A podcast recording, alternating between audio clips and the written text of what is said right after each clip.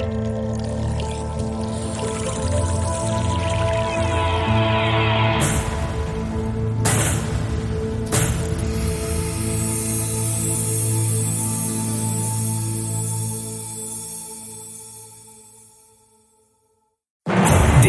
is een speciale uitzending van de Jensen Show.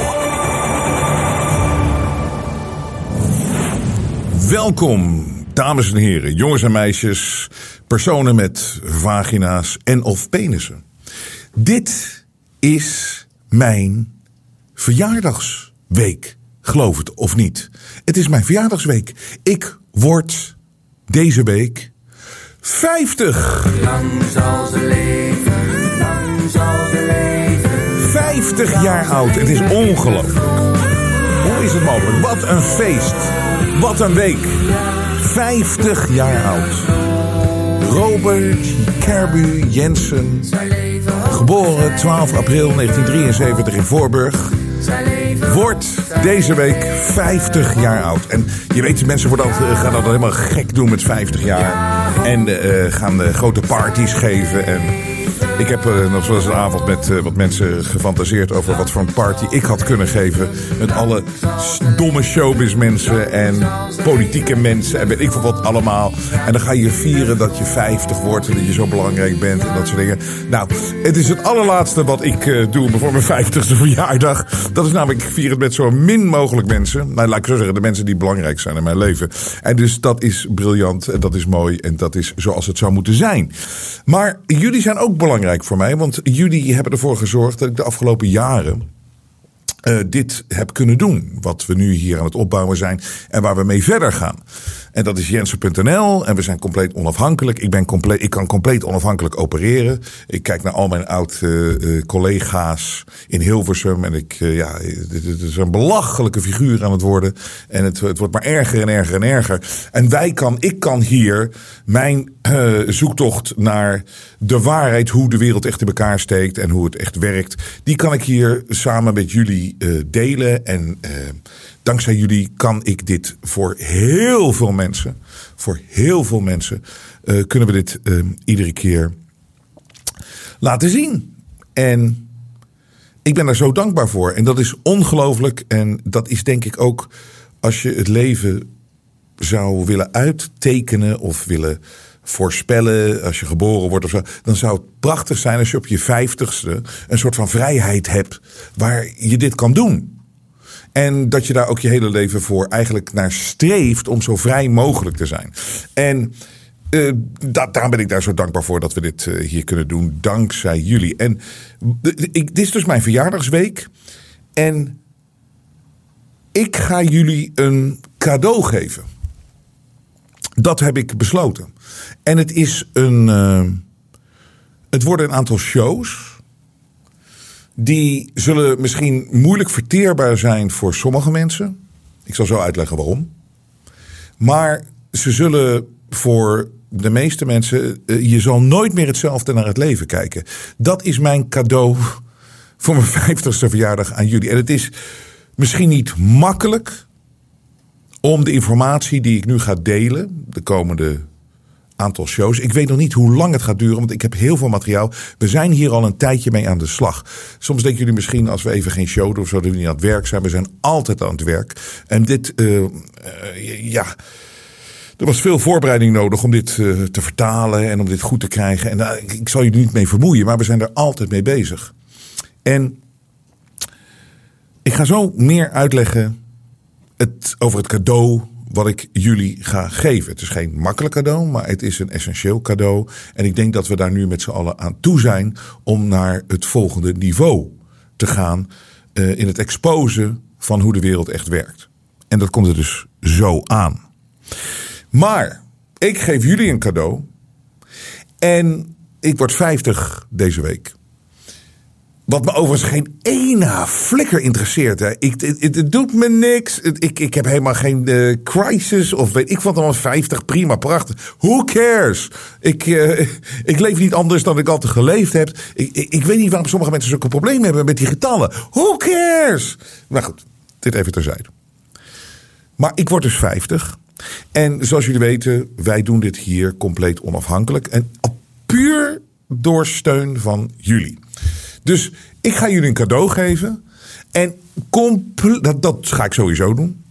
Maar omdat we sowieso doen we dit hier gratis altijd, dat weet je.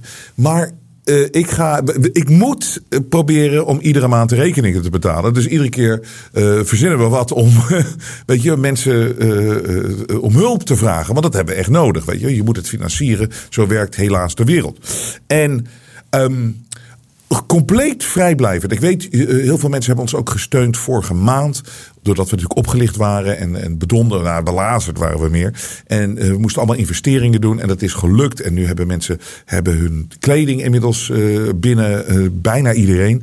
Dus we, hebben het hele systeem, we kunnen het nu onafhankelijk doen. We zijn er zo blij mee. Dus binnenkort als we een nieuwe kledinglijn doen of een nieuwe iets hebben, dan doen we het gewoon zelf. En dat, er zit niemand meer tussen. Dankzij jullie. Het is geweldig wat jullie vorige maand gedaan hebben. Dus misschien denk je van, oké, weet je, ik heb al gegeven volgende maand. Dat, daar gaat het mij niet om. Het is maar 2 tot 3 procent van de audience, de totale audience, die ons financieel support. Dus daarom blijf ik het doen. En ik moet het ook doen, want ik heb voor de rest, we hebben geen andere vorm van inkomsten, zoals jullie weten. Dus ehm, we hebben nu een, ding. Als je mij wil feliciteren met mijn 50ste verjaardag en je kan het en eh, je, je waardeert het en eh, dan. eh, als je ons wil supporten met 50 euro, dan zijn we zo dankbaar.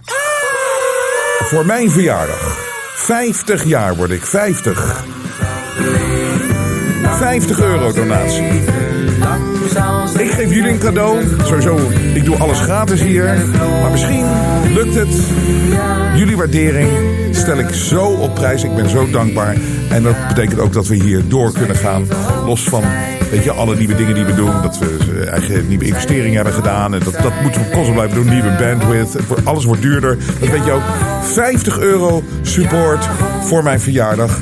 Ik ben jullie eeuwig dankbaar. Dus dat is de actie die, die we nu even hebben. En ik zou het ook liever niet willen doen en niet hoeven vragen. Maar ja goed, dan had ik een ander pad moeten kiezen. Dan had ik net zoals John de Mol of Reinhard Oerlemans... alleen maar sukkelige klote programma's moeten produceren. En dan... Nou, ja, dan was ik nu lui geweest en dat soort dingen. Dus ik heb daar nooit spijt van dat ik dat niet gedaan heb. Maar alleen op dit soort momenten, soms als ik weet van, weet je wel, ik heb support nodig om ons in de lucht te houden. Maar bij deze, dank jullie wel als jullie dit willen doen. 50 euro voor mijn 50ste verjaardag. En here we go. Nou, dit is een andere uitzending, eh, vindt nu plaats dan we tot op heden gedaan hebben. 50 jaar word ik en ehm, een van de dingen als je 50 jaar wordt, misschien wat wel een beetje speelt, is dat je eh, steeds meer scheid aan alles krijgt. En zeker als je het pad gekozen hebt van de waarheid, stap je daar niet meer van af. Ik kan me indenken als ik, eh, ik heb het even net over die andere gasten gehad die om die klote programma's eh, produceren, tv-programma's, weet ik. Als je het, pad van de neppigheid en de corruptie en de leugens volgt. Ik denk als je 50 bent en je bent er al zo diep in en je hebt er al zoveel geld verdiend, dan ga je door. Er zijn weinig mensen die er echt van afstappen. En meestal gaan kloten maar door. En het wordt maar erger en erger. En die mensen worden maar, maar more miserable eh, than ever. En ik heb een andere kant gekozen. Ik heb eh, eh, de kant gekozen van de vrijheid. Ik ben de kant gekozen voor de waarheidonderzoeking. En waar ik dan zit, dan wil je eigenlijk alleen maar door. En je accepteert gewoon van, eh, ik weet niet hoe het eindigt. Misschien maken ze je mond dood. Misschien vermoorden ze jezelf. Het, het maakt mij allemaal niet uit. Nogmaals, wat ik al vaker tegen jullie gezegd heb. Ik, ik ben een verslagen man. Ik, ik, heb, ik heb al verloren. Ik geef het toe. Maar dat maakt me zo gelukkig en sterk. Want van een verslagen man kan je het nooit winnen. Als, ik, als je zegt van oké, je hebt gewonnen joh. joh. Gaan jullie lekker verder in die wereld. Ik doe niet meer mee. Ik, ik, hoef, ik hoef geen respect meer daar te hebben. Ik hoef helemaal niks meer daar te hebben. Dus zo sta ik in de, eh, eh, sta ik in de wereld als eh, 50-jarige. En ik ga door. Nou, vandaag is een uitzending die zo de waarheid raakt. En dit worden lange, lange uitzendingen. Dus nogmaals, ik zeg het is niet voor iedereen. Het is niet voor iedereen. Want vandaag toon ik aan. En dat de wereld zoals we denken hoe die is, dat die niet zo is. En dit is een zo groot bewijs dat we in de maling genomen worden door een klein groepje mensen die ons en de mensheid al zo lang bespelen. En dit, ik, ik, het worden hele lange uitzendingen. Veel mensen zullen afhaken nogmaals. Maar als je blijft hangen, zal het je leven veranderen. En ik weet, er zijn verschillende groepen mensen tussen ons. Je hebt de groep die al een tijd wakker is, eh, omdat echt wakker. En al eerder dan ik, maatschappelijk gezien. Want ik, eh, laat me dit eventjes nog eerst even zeggen. Ik heb in mijn leven eh, één heel krachtig moment gemaakt. Dat heb ik in het begin van Kiona ook verteld. En dat is een soort van bewustwording van dat mijn ei. Dat was toen ik 24 was of 23. En dat was. Ik, ik kwam uit een echte depressie. En niet, niet, ik ben depressief, ik voel me zo slecht. Zoals heel veel mensen dat woord gebruiken tegenwoordig. Dat is totaal niet wat depressie is. Depressie is donker. Depressie is niet te omschrijven. Als je dat als, als, als, je, dat voelt, als je dat echt. Dat, is, dat, dat is echt zwarter dan zwart. Daar zat ik in. Maar ik ben eruit gekomen. En ik ben nooit meer terugbeland in dat, in dat zwarte, in het donkere. Maar ik ben eruit eh, beland. En eh, weet je, in essentie ging het erom dat de gedachtes. Ik kwam erachter. Ik, ik had het inzicht opeens. Vanuit het donker zag ik opeens het licht. En wat was het licht? Dat de gedachten die ik had over mezelf en over alles, hoe ik naar de wereld keek, was, die waren helemaal niet van mij. Die waren me aangeleerd. En dat maakte me zo ongelukkig, omdat dat helemaal niet matchte met mijn hart, met mijn gevoel, met hoe ik was. En, eh, weet je, hoe, met de natuur, om het maar zo te zeggen. En met, het, met, met, met, met waar we allemaal onderdeel van zijn. Toen ik dat zag, is mijn leven veranderd. En het is nooit meer hetzelfde geweest. En het is altijd eh, zo gebleven. Het is nooit teruggekomen. Het is nooit teruggekomen, dat gevoel. Maar ik weet wat het is. Ik weet wat het is. En ik weet waar dat vandaan komt. Dus het is erachter komen dat alles wat je denkt, hoe het is, dat is niet zo. Het is je aangeleerd. En je moet het afleren om te zien hoe dingen echt zijn. En dat gaat vrij snel als je dat doorbroken hebt. Dus wat ik vanaf dat moment gezien heb, is dat eigenlijk het meeste is nep. Het is gelul, het is onzin. Het bestaat niet. Het is een perceptie. Nou, dat was mijn eerste echte wakker worden. En het, het, het, het, het- dat, dat is de allerbelangrijkste. En wat ik daarna gedaan heb, ik ben mijn leven natuurlijk geweest leiden. En ik heb eigen dingen gedaan. En hey, je onderzoekt meer. En je gaat door pieken en dalen. En dat soort. Dat, maar, maar nooit zo erg als zeg maar een depressie. Dus je zag hoe nep de wereld is. Vanaf dat moment dat ik dat inzicht had van mezelf. Je zag hoe nep het was. Nou, wat heb ik gedaan ook in mijn carrière? Ik heb de boel belachelijk gemaakt. Ik heb de showbiz belachelijk gemaakt. Ik heb veel humor. Ge... Want dat is ook belangrijk om natuurlijk om te lachen, om het uit te lachen. Maar pas natuurlijk, en dat vind ik ook, daar moet je ook ouder voor zijn. En pas later, en ik ben daarmee begonnen zes jaar geleden of zo. eh, Dat je toch weer geconfronteerd wordt van. Ja, maar er, is nu iets aan de gang. Er klopt iets niet van. Oké, ik weet dat het nep is. Maar hoe werkt dat dan eigenlijk, die creatie van de perceptie? Van de realiteit waar ik zie dat heel veel mensen in leven. Terwijl ik denk, het is nep. Wat een onzin allemaal. Nou, dat kan je lang weglachen. Maar op een gegeven moment voelde ik ehm, een, s- eh, een, een, een, een kracht vrijkomen in de wereld die zo destructief en, en kwaad is. Wat ik bijna vergelijk met zeg maar, de depressieve gevoelens die ik had. Niet dat ik depressief werd van die kracht, want de kracht kan mij niet raken. Alleen ik voel wel de donkerheid daarvan. En toen ben ik meer gaan duiken in van.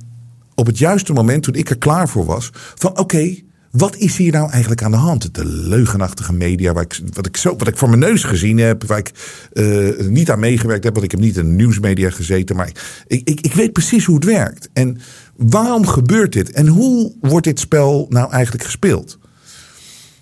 Nou, en daar heb ik een aantal inzichten in gekregen van, door, door daarop te focussen. En daar ben ik op verder gegaan. En ik heb eh, bijvoorbeeld mijn verleden gebruikt als iemand die in Hilversum een naam heeft en dat soort dingen. En toen heb ik die talkshow gedaan die zo anders was dan alle andere talkshows op de televisie, die allemaal maar meelopen als schapen en in het systeem. Waardoor ik natuurlijk na twee seizoenen gecanceld ben. En, eh, terwijl eh, dat was natuurlijk compleet onnodig. Het was een heel ander geluid en het was eh, vrij succesvol. Maar ik ben daarna natuurlijk doorgegaan. En het was altijd mijn doel om in de vrije wereld te opereren. Om hier verder in te gaan. En om mensen deelname en deel te maken van mijn eigen zoektocht van hoe dingen echt in elkaar steken, hoe dingen echt zijn.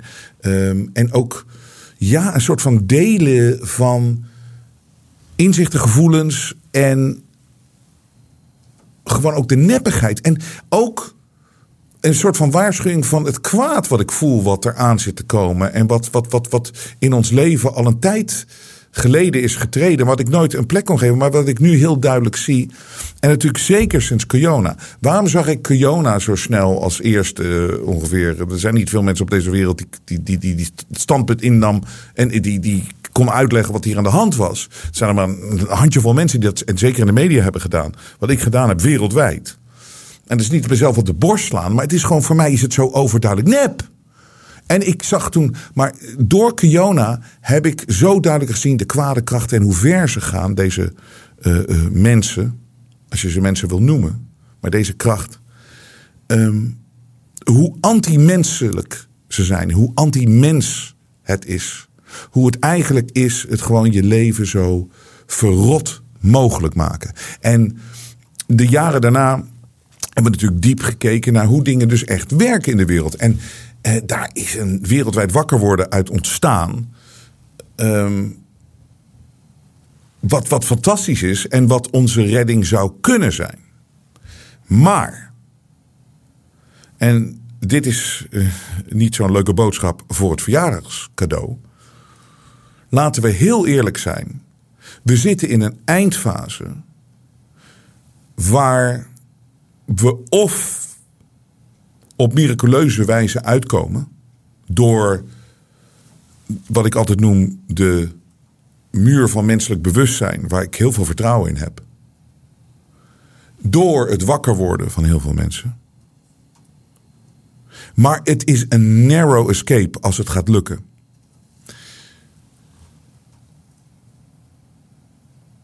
Waarom zeg ik dit? Omdat de plannen die uitgevoerd worden op dit moment. En alles waar mensen zoiets van hebben van het klopt toch allemaal niet.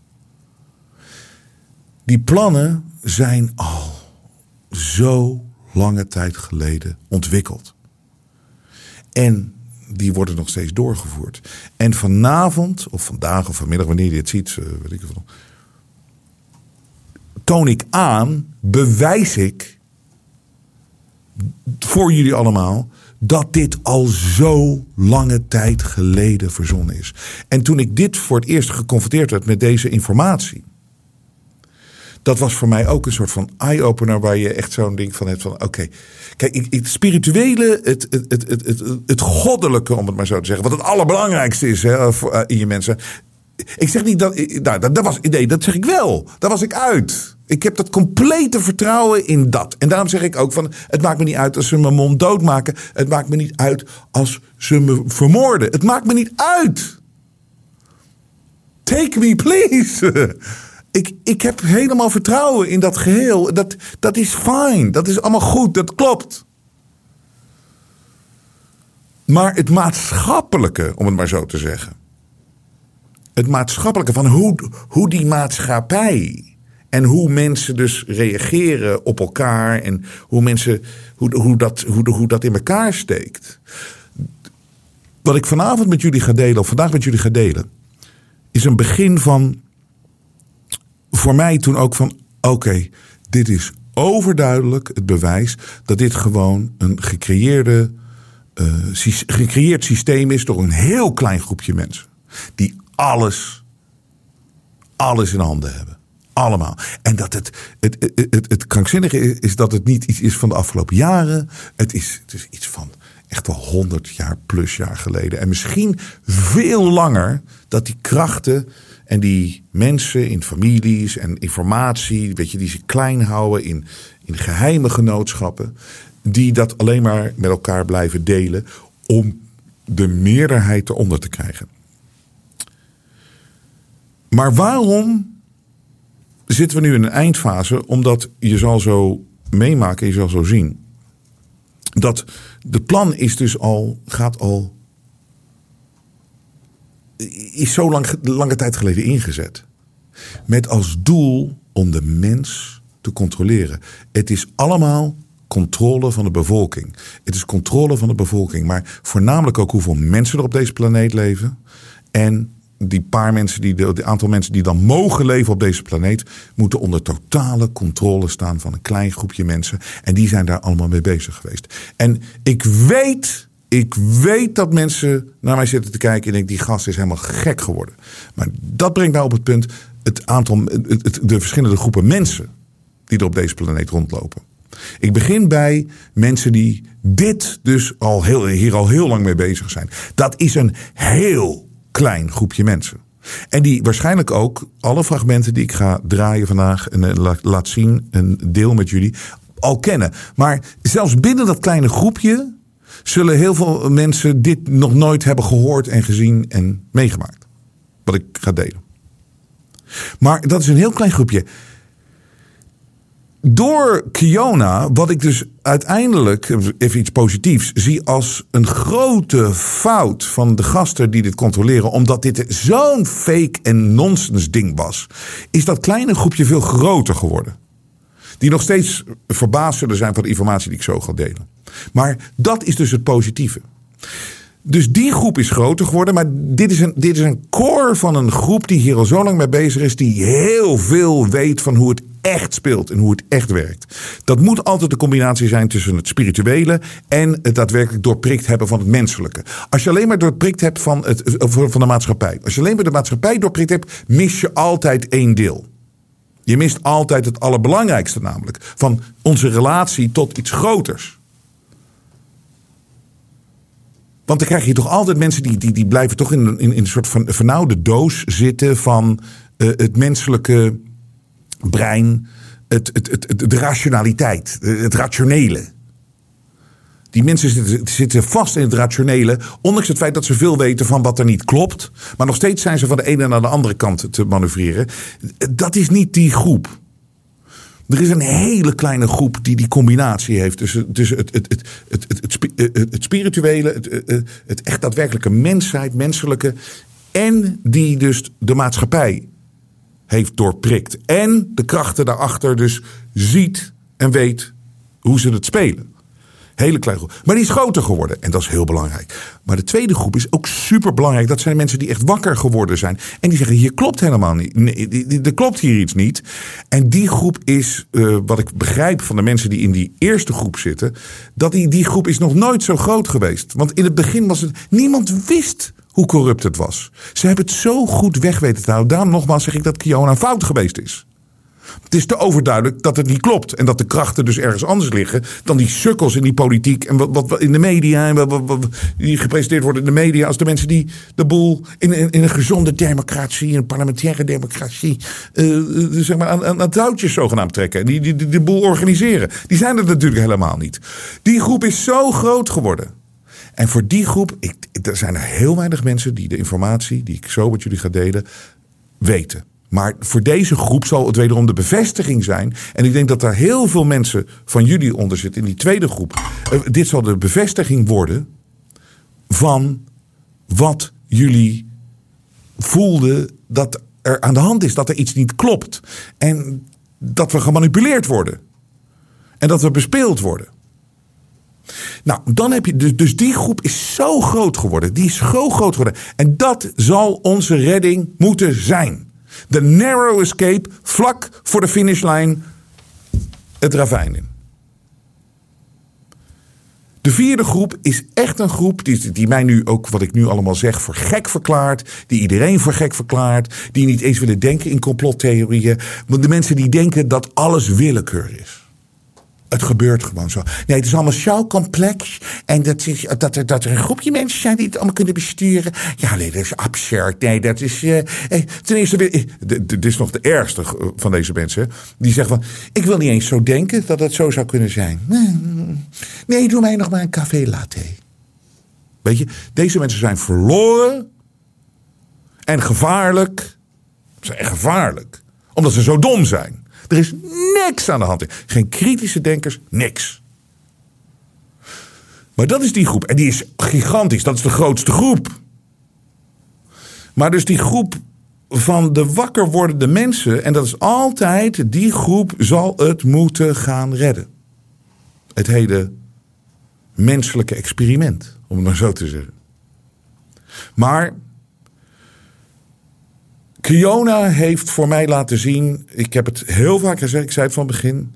Ik, we, nu, we hebben in, in, in fascisme geleefd.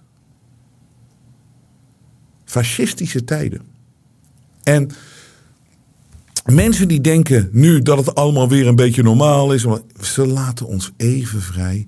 Er komt een shit op ons af de komende tijd. Het is ongelooflijk. Maar ik zeg dit niet om mensen bang te maken. Ik zeg dit om mensen sterker te maken. Ik zeg dit om mensen voor te bereiden. Dat is ook altijd wat ik gedaan heb met Kiona. Ik heb nooit mensen bang gemaakt. Nooit, nooit, nooit, nooit, nooit. Ik heb laten zien van wat er niet klopte aan het hele narratief, het hele verhaal. Is het beangstigend dat we bespeeld worden en dat we voorgelogen worden? Tuurlijk is dat een verschrikkelijk ding. Maar dat is niet waar je bang voor hoeft te zijn. Je hoeft niet bang voor te zijn. Het zijn sukkels. Ze dienen uitgelachen te worden. En er dient gezegd te worden tegen al deze idioten: fuck you, we gaan niet meer mee. En dat dus moet je sterker maken. Je moet voorbereid zijn op de nonsens en de fake, de, de, de echte fakeheid die ze op ons af gaan vuren de komende tijd. En de komende jaren. Het wordt nog veel erger dan corona.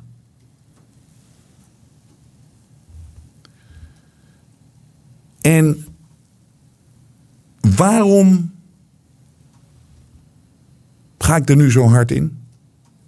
Waarom zeg ik dat? Is, is, is, het heeft denk ik te maken met ook dat ik ook weer, weet je, weer, weer, weer verder wil op een andere manier van laten zien hoe dingen echt zijn. En daar moet ik mezelf ook in pushen. Ik heb ook mijn gemakzuchtige kant. Ehm, maar omdat dit al zo'n lange tijd uitgedacht is. Dit is zo lang geleden bedacht. En er zijn zulke kwade mensen. En, iedereen, en er wordt altijd gezegd. Waarom zijn er dan niet meer klokkenluiders?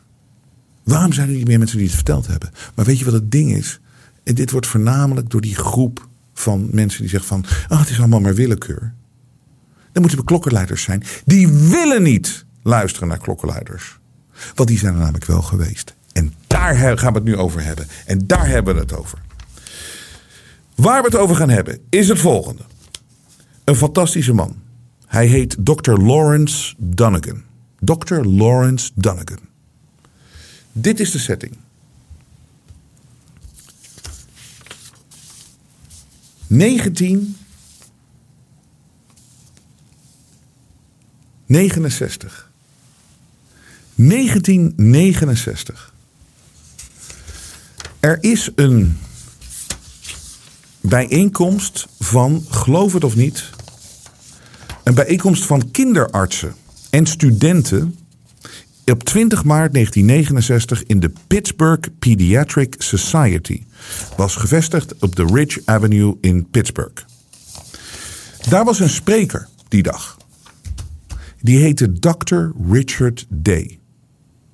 Dat was een uh, vooraanstaand professor en arts en medisch directeur van de organisatie, en daar komt hij, Planned Parenthood.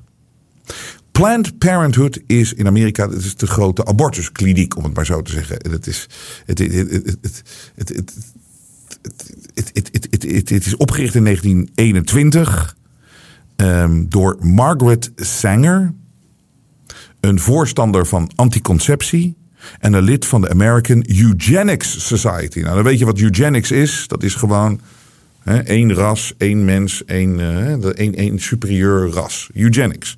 Daar was zij de voorzitter van. En die lobbyde voor, voor zogenaamd vrouwenrechten, toegang hebben tot anticonceptiemethoden en onderwijs. Maar waar het natuurlijk eigenlijk om gaat, het is gewoon de bevolkingscontrole. Alles wat je vanavond gaat horen, en vandaag, ik zeg iedere keer vanavond, zonder ik zo'n late night gevoel heb, maar ehm, alles wat je gaat horen gaat over bevolkingscontrole. Er is een groepje mensen die wil controleren hoeveel mensen op deze planeet zijn, wat deze mensen doen en die moeten gecontroleerd worden. Dus Dr. Richard Day, die was daadwerkelijk de directeur van de organisatie Planned Parenthood. Die gaf in 1969 in Pittsburgh een speech. Daarna, na die speech, ging die uit eten met een klein, kleiner groepje mensen. En dat was gezellig. Het waren allemaal topmensen in hun veld. En onder die, dat groepje, de, een van de mensen was Dr. Lawrence Dunnigan. Waar ik het net al over uh, had. En Dr. Lawrence Dunnigan, die was ook een kinderarts. En uh, die was ook een, uh, een gerenommeerd iemand daar in de States. En op een gegeven moment als directeur van Planned Parenthood, Dr. Richard Day wist wat de plannen waren die dit kleine groepje mensen hè, had voor de wereldbevolking. En Dr. Richard Day die zei tegen iedereen: Ik wil dat je geen aantekeningen maakt hiervan. Dit is echt wat ik deel met jullie. Maar dit is hoe het plan is. Dit is wat ze willen gaan doen. En dit gaat ze ook gewoon lukken nu, want de techniek gaat zo veranderen dat het dat ze daar komen met het eindresultaat. Complete controle over de mensheid. Dus die Dr. Richard Day, die vertelde alle plannen van wat je kan zeggen, wat de mensen van de, van de globalisten, van de New World Order, van de, van de, van de, van de, van de echte, diepe, geheime societies, de geheime de society, die, dit, die onze perceptie van hoe de wereld is, al zo lang bespelen. Dr. Lawrence Dunnigan heeft dat allemaal aangehoord. En heeft bij, toen hij thuis kwam, hij vond het een hele indrukwekkende wat hij allemaal hoorde. Maar hij vond het ook zo letterlijk fantastisch. Hij denkt, dit kan nooit zo plaatsvinden. Dit, dit, sommige dingen zijn wel logisch, maar sommige dingen hebben echt waar. Gaat het daar naartoe? Wat een afgrijzelijke wereld.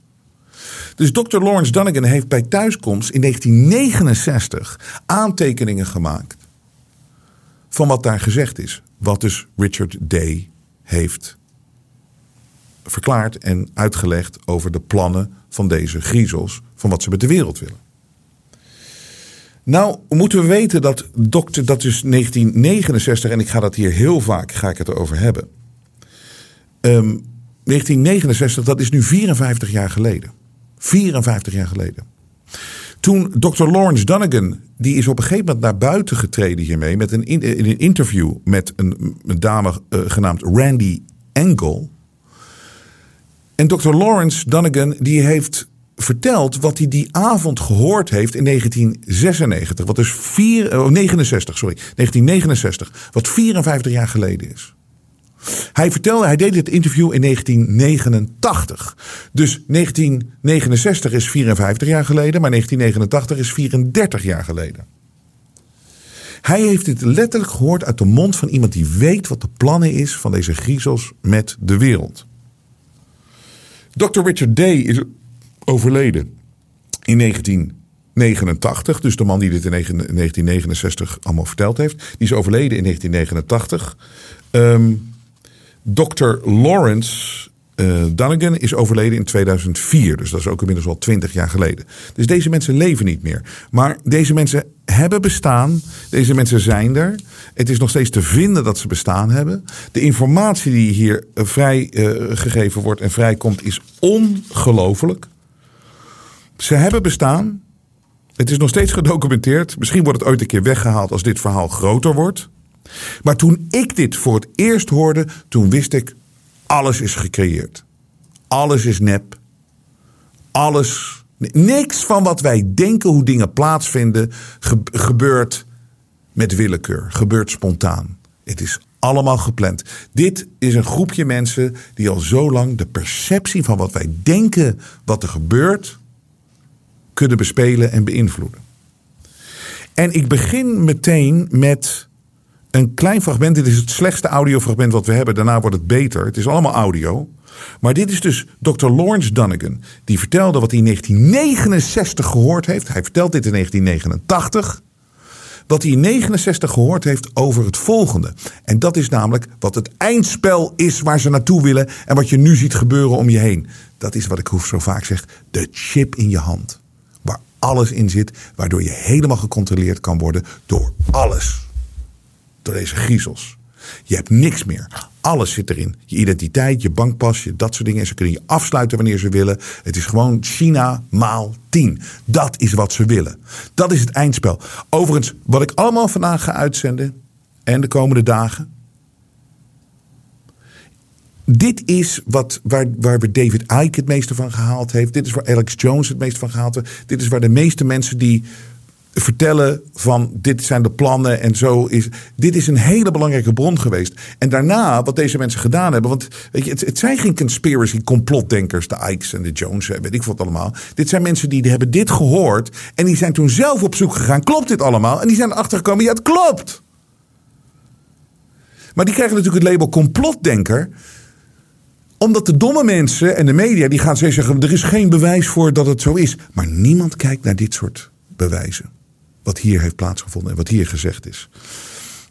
Dr. Lawrence Dunnigan zegt meer dan 30 jaar geleden het volgende: dat dit het plan is wat ze hebben voor de mensheid. En wat hem verteld is 54 jaar geleden. This cashless society is the first time, I believe, in the history of the human where the entire population of the world can be controlled economically so that somebody can say, I know I'm pushing the right buttons, I know how much credit you have electronically, I know where you spend your money electronically, and you cannot buy, you cannot sell unless you get on my computer. Uh, right now, you have a half a dozen credit cards in your pocket, but pretty soon they'll be narrowed into one credit card, and then when we the ostensible reason is people lose their credit cards, and we have to get rid of that and put the implant in. That's right. And the real uh, reason is where can you put the implant in, on your hand or on your forehead? where it has to be accessible to the skin. So your right hand to your forehead. Dus ze praten hier over de chip die alles kan controleren. En er wordt een implant in je hand. En dit is meer dan 30 jaar geleden. En het is hem verteld 54 jaar geleden. Ik ga dit zo vaak herhalen. En het wordt zo vervelend, maar ik blijf het doen. 54 jaar geleden werd verteld van dit is waar het naartoe gaat. Een implant in je hand waar je helemaal gecontroleerd wordt. En wat zie je nu? Wat zie je nu in de media? Wat zie je overal? Wat zie je in Zweden gebeuren? Ge- mensen die laten nu al iets implanteren in, in hun hand. En het wordt nu gewoon een beetje normaal gemaakt. Tatoeages met implanten en weet ik veel wat allemaal. Ze zijn natuurlijk nu zover, maar het plan is al zo oud en hier werken ze heel systematisch, heel slim naartoe. Dit is het plan van de griezels. 54 jaar geleden verteld, maar tientallen jaren daarvoor al bedacht. Het is alleen de techniek moet eventjes meelopen en moet even komen. En, mens, en mensen als groep moeten langzaam gemanoeuvreerd worden en gemanipuleerd worden psychisch naar die situatie. En dan is het het einde van de mens. En dan komt er een nieuwe mens en dat is een computer. En dat is een robot en die is totaal te controleren door andere robot. En, ehm, en, en, en, en natuurlijk de mensen die de robot programmeren. Dit is de mensheid. Dit is waar ze naartoe willen. En wat je gaat eh, horen en zien de komende dagen. is eigenlijk informatie die dus gedeeld is in 1969. verteld is in 1989. En opeens wordt alles duidelijk en alles is logisch. van wat we eigenlijk in ons. en in, ik ben nu 50 dus. wat ik in mijn mensenleven gezien heb. Maar als je ouder bent, dan ga je ook zeggen van. Wauw, dit is dus ja, dit is dus zo gebeurd. Maar nog belangrijker is, er worden dingen straks verteld in 1989, naar aanleiding van informatie uit 1969, die nu in 2023 actueel zijn en die je voor met je eigen ogen ziet gebeuren. Dus wat bevestigt dit? Dit is een plan wat uitgerold wordt over de mensheid en wij worden gewoon voorgelogen en we worden gemanipuleerd.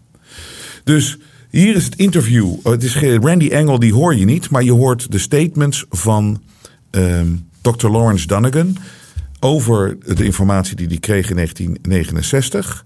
En um, laten we eerst eens beginnen met um, of er een macht is, een kracht die daadwerkelijk dus dit aan het organiseren is. There has been much written and much said by some people who have looked at all the changes that have occurred in American society in the past 20 years or so. And who have looked then retrospectively to earlier history of the United States and indeed of the world and come to the conclusion that there is a that there is a conspiracy of sorts which influences indeed controls major historical events not only in the United States but around the world. This conspiratorial interpretation of history is based on people making observations from the outside, gathering evidence, and coming to the conclusion that from the outside they see a conspiracy. Their evidence and conclusion are based on evidence gathered in retrospect, period. I want to now describe what I heard from a speaker in 1969 which in several weeks will now be 20 years ago.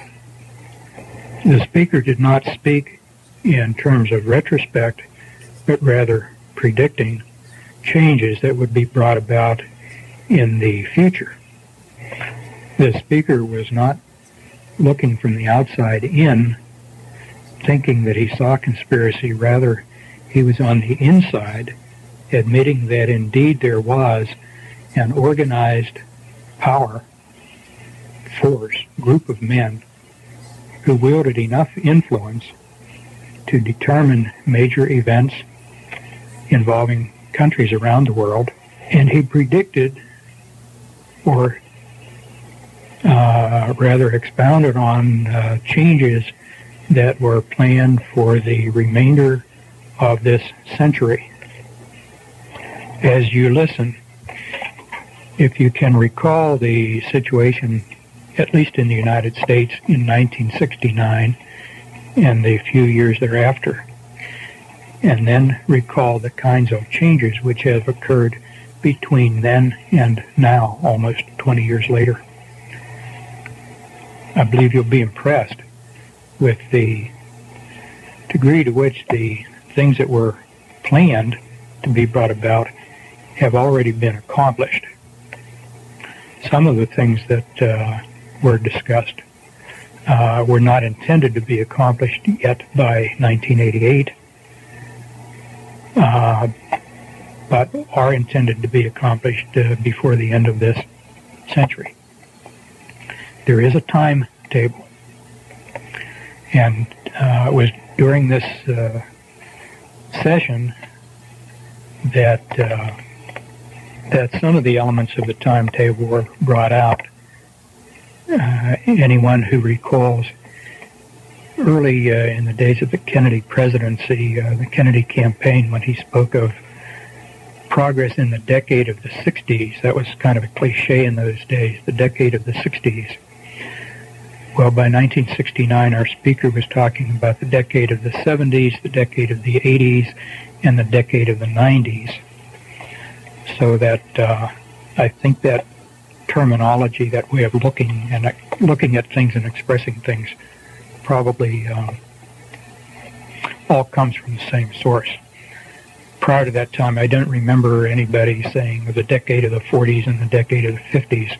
So I think this uh, overall plan and timetable uh, had taken important shape with more predictability to those who control it uh, sometime in the late 50s.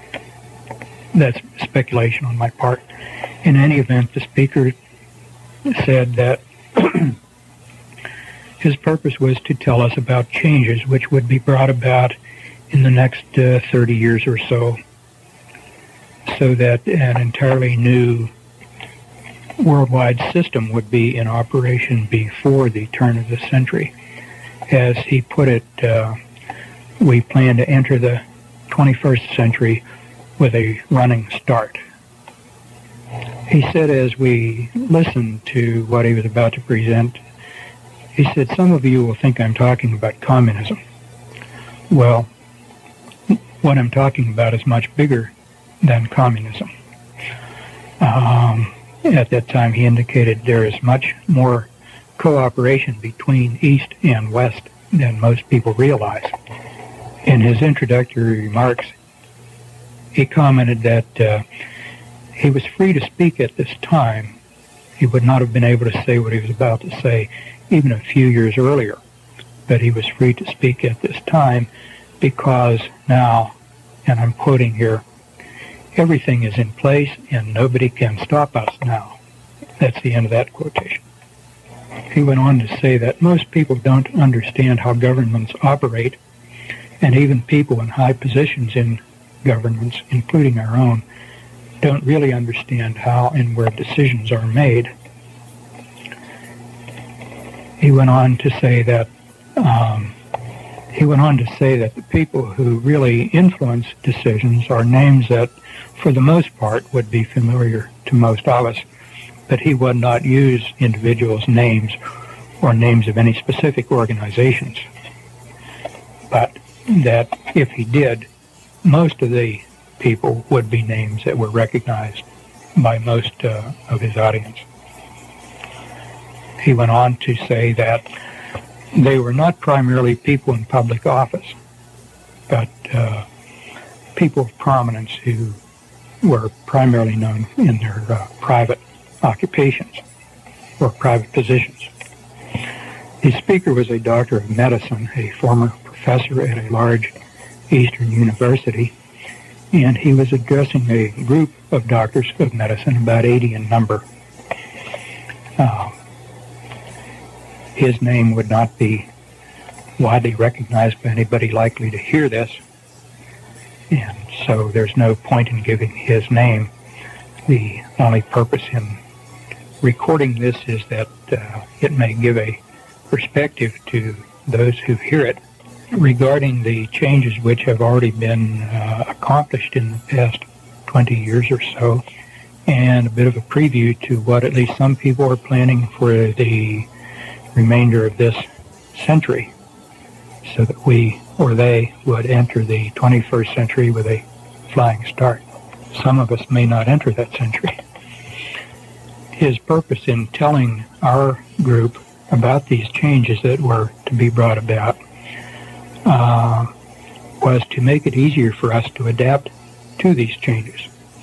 Indeed, as he quite accurately said, uh, they would be changes that uh, would be very surprising and in some ways uh, difficult for people to accept. And he hoped that uh, we, as sort of his friends, would uh, make the adaptation more easily if we knew somewhat beforehand what what to expect. Somewhere in the introductory remarks, he insisted that nobody have a tape recorder and that nobody take notes, which for a professor was a very remarkable kind of thing to uh, expect from an audience.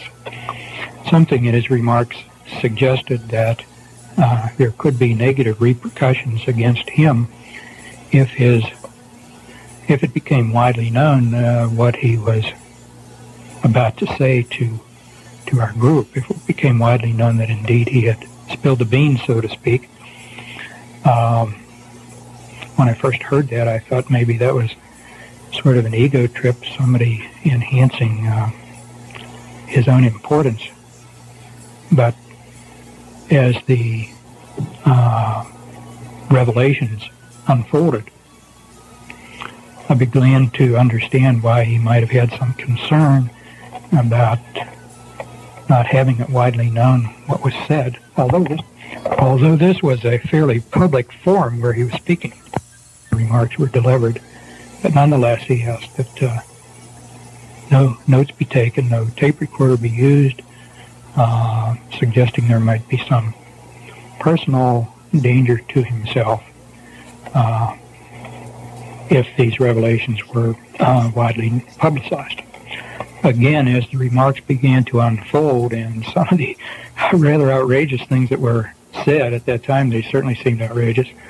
Uh, I made it a point to try to remember as much of what he said as I could, and during the subsequent weeks and months and years, to connect my recollections to simple events around me, uh, both to aid my memory for the future, in case I wanted to do what I'm doing now, record this, and also to uh, try to maintain a perspective on what would be developing if indeed it followed the predicted pattern, which it has. At this point, so that I don't forget to uh, include it later, I'll just include some statements that were made from time to time throughout the presentation. Um, just having a general bearing on the, the whole presentation. One of the statements was having to do with change uh, people get used. The statement was, people will have to get used to the idea of change. So used to change that uh, they'll be expecting change. Nothing will be permanent. This often came out in the context of a society of uh, where, where people seem to have no roots or or moorings, uh, but would be passively willing to accept change simply because that was all they had ever known. This was sort of in contrast to uh, generations of people up until this time where certain things you expect to be and remain in place uh, as reference points for your life. So change was to be brought about, change was to be anticipated and expected and accepted, no questions asked. Another comment that was made uh, uh from time to time during the presentation was people are too trusting people don't ask the right questions. Sometimes being too trusting was equated with being too dumb.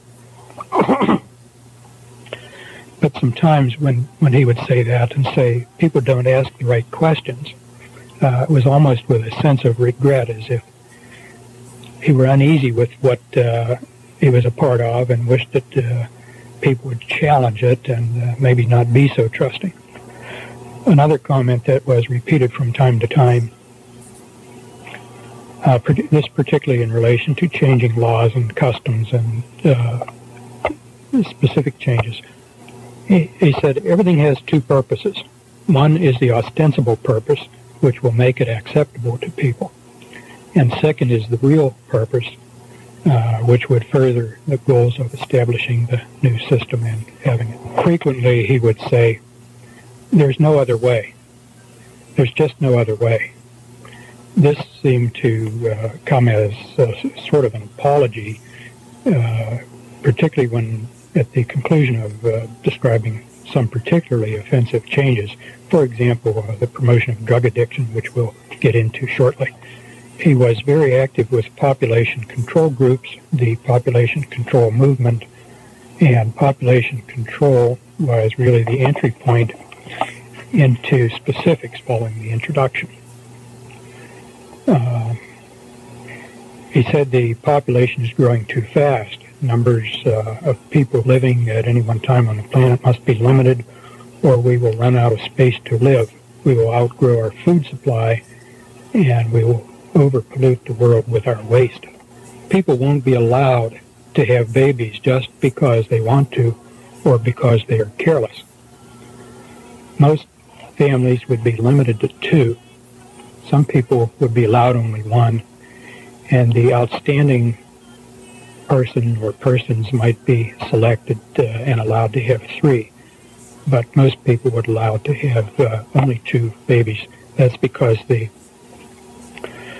zero population growth uh, is 2.1 children per completed family, so something like every 10th family might be allowed the privilege of the third baby. To me, up to this point, the word population control uh, primarily connoted uh, limiting the number of babies to be born. But uh, this remark about what people would be allowed and then what followed made it quite clear that when you hear population control, that means more than just controlling births. It means control of every endeavor of, an enti- of the entire world population. Uh, a much broader meaning to that term than I had uh, ever attached to it before hearing this. As you listen and reflect back on uh, some of the things you hear, you will begin to uh, recognize how one aspect dovetails with other aspects in terms of controlling human endeavors. Well, from population control, a natural next step then was sex. Uh, he said sex must be separated from reproduction. Sex is too pleasurable and the urges are too strong to expect people to give it up. Chemicals in food and in the water supply to reduce the sex drive are not practical. The strategy then would be not to diminish sex activity, but to increase sex activity, but in such a way that people won't be having babies. And the first consideration then uh, here was contraception. Contraception would be uh, very strongly encouraged, uh, and it would be connected so closely in people's minds with sex that they would automatically think contraception when they were thinking or preparing for sex. And contraceptives would be made universally available.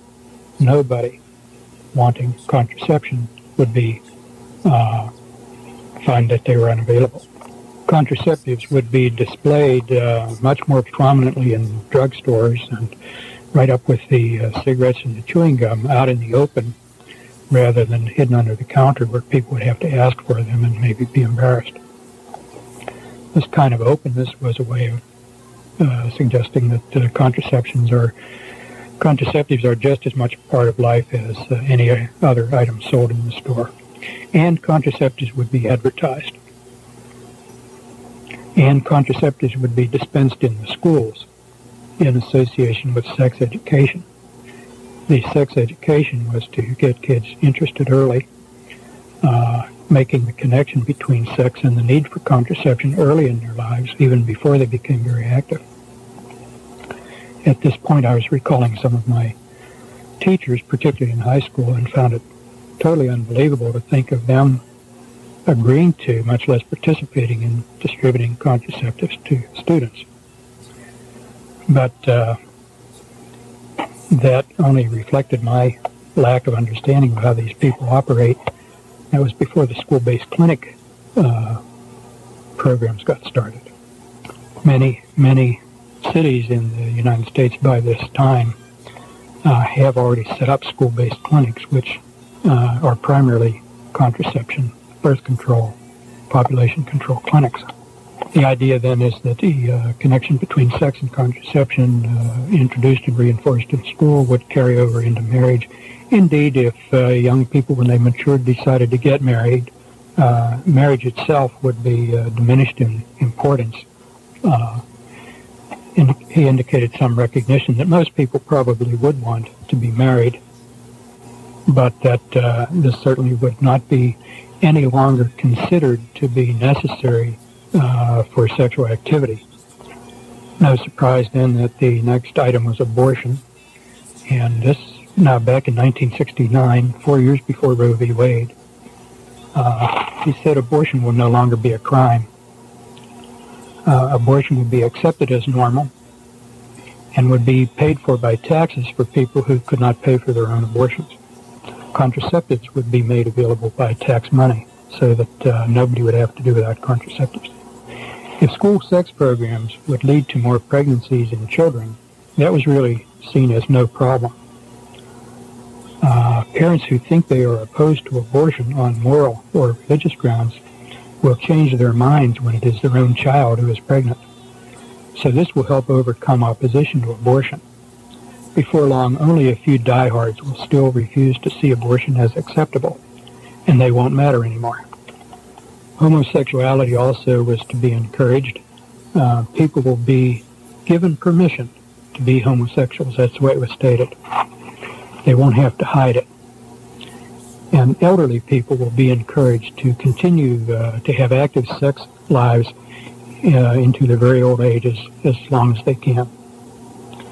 Uh, everyone will be given permission to have sex to enjoy however they want. Anything goes. This is the way it was put. and I remember thinking uh, how arrogant for this individual or whoever he represents to feel that they can give or withhold permission for people to do things. But those that was the terminology that was used. In this regard, uh, clothing was mentioned. Clothing styles would be made more stimulating and provocative. Recall uh, back in 1969 was the time of the, the miniskirt when they were those miniskirts were very very high and very revealing. Uh, he said it's not just the amount of skin that is expressed exposed that makes clothing sexually seductive, but other more subtle things are often more suggestive. Uh, things like movement and the cut of clothing and the uh, kind of fabric, the positioning of uh, accessories on the clothing. If a woman has an attractive body, why should she not show it? Was uh, one of the statements.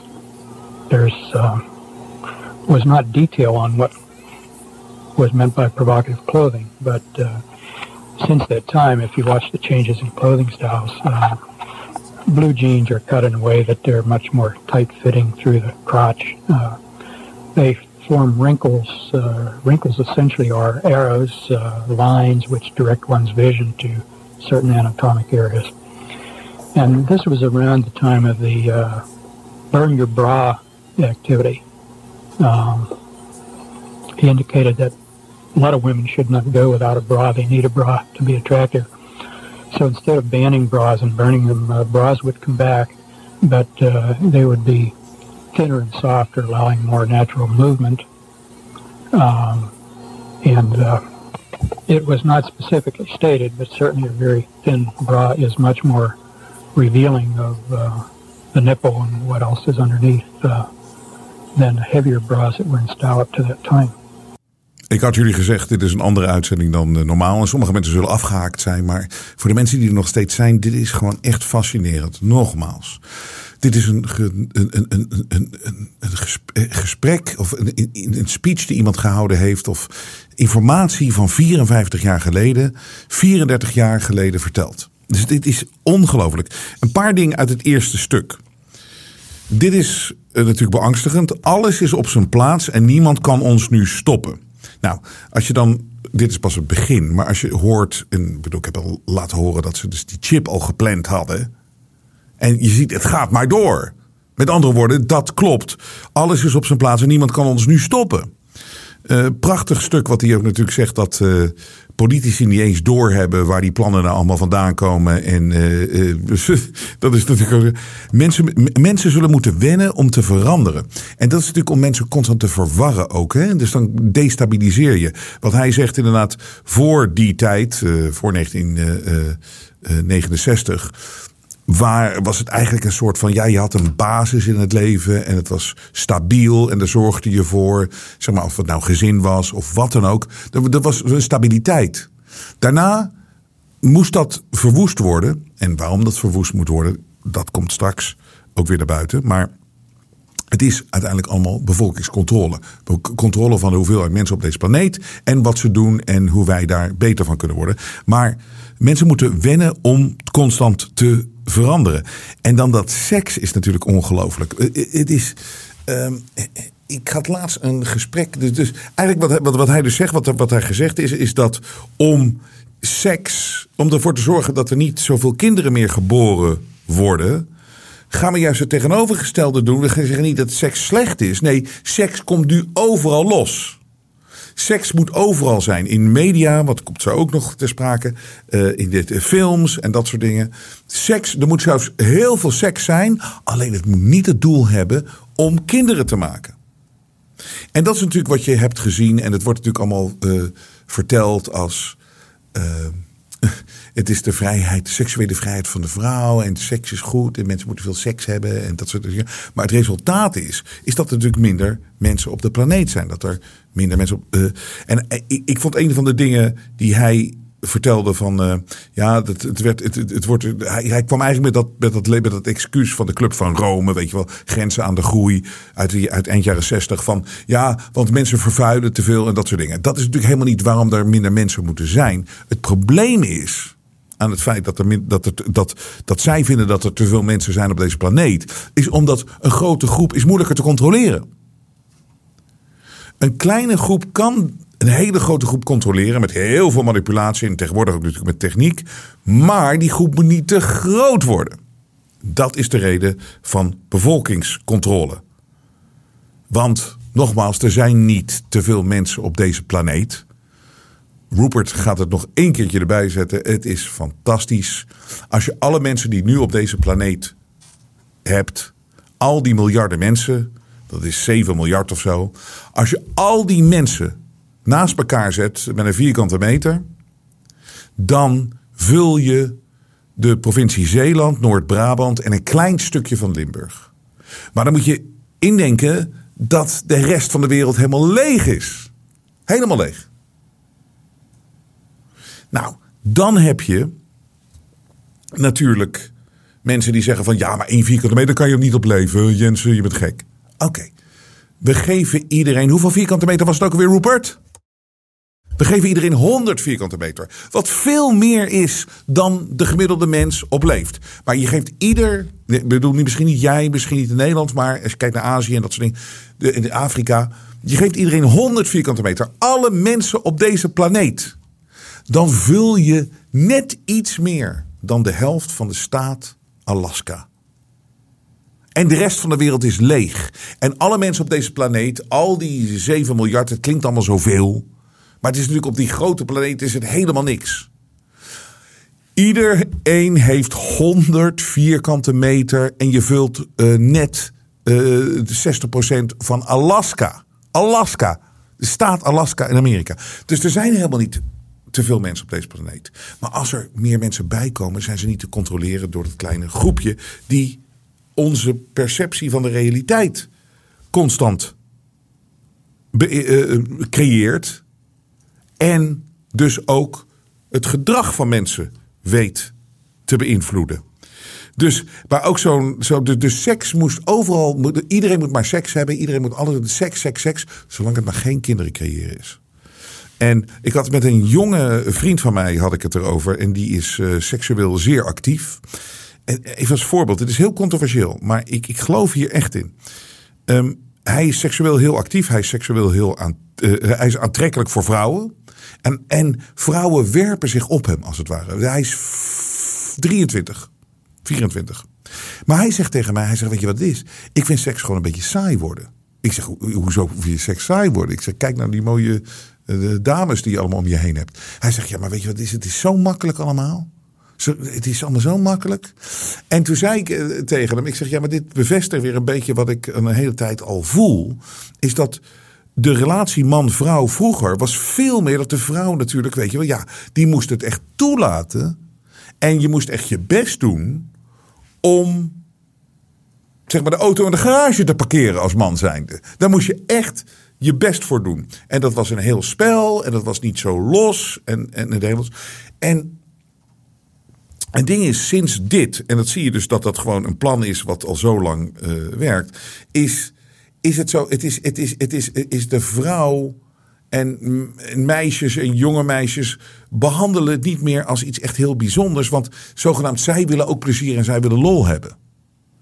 Maar het is natuurlijk zo, en het is de waarheid, en het is gewoon eh, zo dat een, een- vrouw en een meisje die daadwerkelijk kinderen wil hebben en een gezin wil stichten en, en dat soort dingen, die moet natuurlijk, zeg maar, Het moet een, een tempel zijn waar je binnentreedt. En dat moet ook zo bes- beschermd worden. Het moet een kerk zijn. Het moet, het moet echt gewoon uniek zijn. En dat maakt het heel aantrekkelijk voor mannen. En eh, als je ziet hoe eh, mensen nu gewoon seks hebben met elkaar en zo makkelijk. En dat klopt inderdaad. Praat met jonge mensen. Ze dit, dit is dus zo lange tijd geleden bedacht. En het werkt, want geen van de jongeren wil kinderen. De, probeer ze maar te vinden. Wil je kinderen? Nou, nee, voor mij hoeft het niet. Ja, misschien wel eentje of weet ik wat allemaal. Het is allemaal bedacht en kijk hoe het gedrag van mensen is aangepast om het resultaat te bereiken. En ze hebben het zo slim gedaan. Ze hebben echt gedacht van seks kan je niet. Weet je, de aantrekkingskracht eh, de, en, tussen man en vrouw is zo sterk. Ze hebben het geprobeerd natuurlijk. Want de man-vrouw aantrekkingskracht creëert kinderen. Ehm, maar dat is zo sterk, dat krijgen ze niet, dat, dat lukt ze niet. Dus ze, hebben ze, proberen, ze, ze komen dan op andere manieren. Van, weet je, in plaats van seks heel bijzonder te maken of heel uniek en eh, eh, voornamelijk om uiteindelijk eh, iets te creëren, een gezin en dat soort dingen. Nee, nee, je maakt het zo los als maar kan. Je promoot het dat seks fantastisch is en geweldig en alles mag, alles kan. En het resultaat is, is dat er minder kinderen komen. Is, is, is, natuurlijk, is, natuurlijk bijzonder. En natuurlijk ook gewoon die, die, dat dit dus in 1969 verteld is van, weet je, anticonceptie, condooms en zo, wordt gewoon overal verkocht. En dat was toen natuurlijk in de jaren 60, dat je denkt van, nee, dat gaat nooit gebeuren. En wat is uiteindelijk gebeurd? Dat is allemaal gebeurd. Homoseksualiteit aanmoedigen, natuurlijk, alles eh, moet gepromoot worden. Alles wat maar niet kinderen creëert, want het is bevolkingscontrole. En natuurlijk willen, kunnen mensen mij in een hoek douwen. Dat ik zeg van dat, seks, dat vrouwen geen vrije seks kunnen hebben. Nee, natuurlijk. Iedereen kan alles. En homoseksualiteit, alles, alles. Alles voor mij, alles is oké. Alleen je ziet dat, dat, dat een klein groepje de grote groep bespeelt op zo'n slimme manier. En natuurlijk, als je weet wat het eindresultaat van het geheel is. Ze hebben niet de beste bedoelingen met iedereen. En dat is overduidelijk. We gaan door.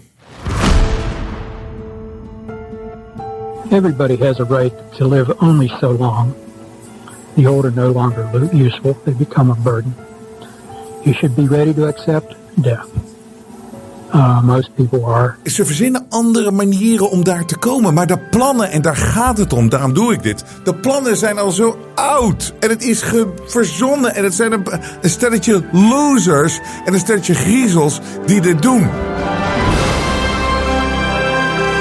De media toont zijn ware gezicht. Maar Robert Jensen buigt voor niemand. Steun het echte geluid via jensen.nl en wees onderdeel van de vooruitgang. Ze zitten achter me aan.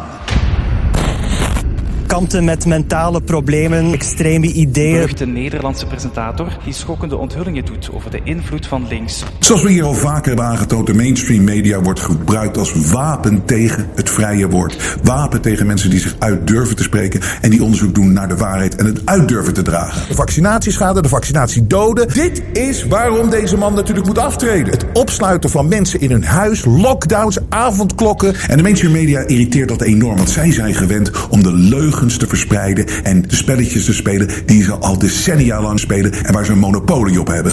En waarom komen ze nou zo achter mij aan? Omdat onze audience steeds groter wordt. In België, in Nederland. En dat is fantastisch en dat is een grote bedreiging voor ze. Ze zijn bang. En soms zelfs bedreigen en zeggen daar moet een tramschutter langs en we weten waar je woont en je bent een psychopaat en dergelijke. Dat gebeurt. Dat gebeurt in die filmpjes van Robert Jensen. En het grappige is, ik ben niet bang voor hun. Ik ben nooit bang voor de waarheid. Ik sta altijd achter wat ik zeg. Ik blijf strijden voor de waarheid. Ik buig nooit voor deze cirkels. bedreigen ze, dit schelden ze je uit. Mensen worden heel erg opgejuurd. Nou ja, Jensen doet dat heel vaak aan. Maar dat kunnen we alleen onafhankelijk doen in de vrije media. En daar hebben jullie support voor nodig. Als jullie waarderen dat wij dit doen, steun ons alsjeblieft financieel. We hebben het nodig, want dat is toch hoe de wereld helaas werkt. Ga naar jensen.nl en jullie support, jullie hulp, jullie waardering houdt ons in de lucht. En wij strijden door tot de laatste snik. Dat beloof ik je.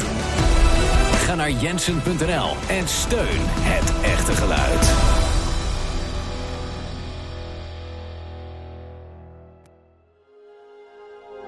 Het vrije geluid laat zich niet censureren.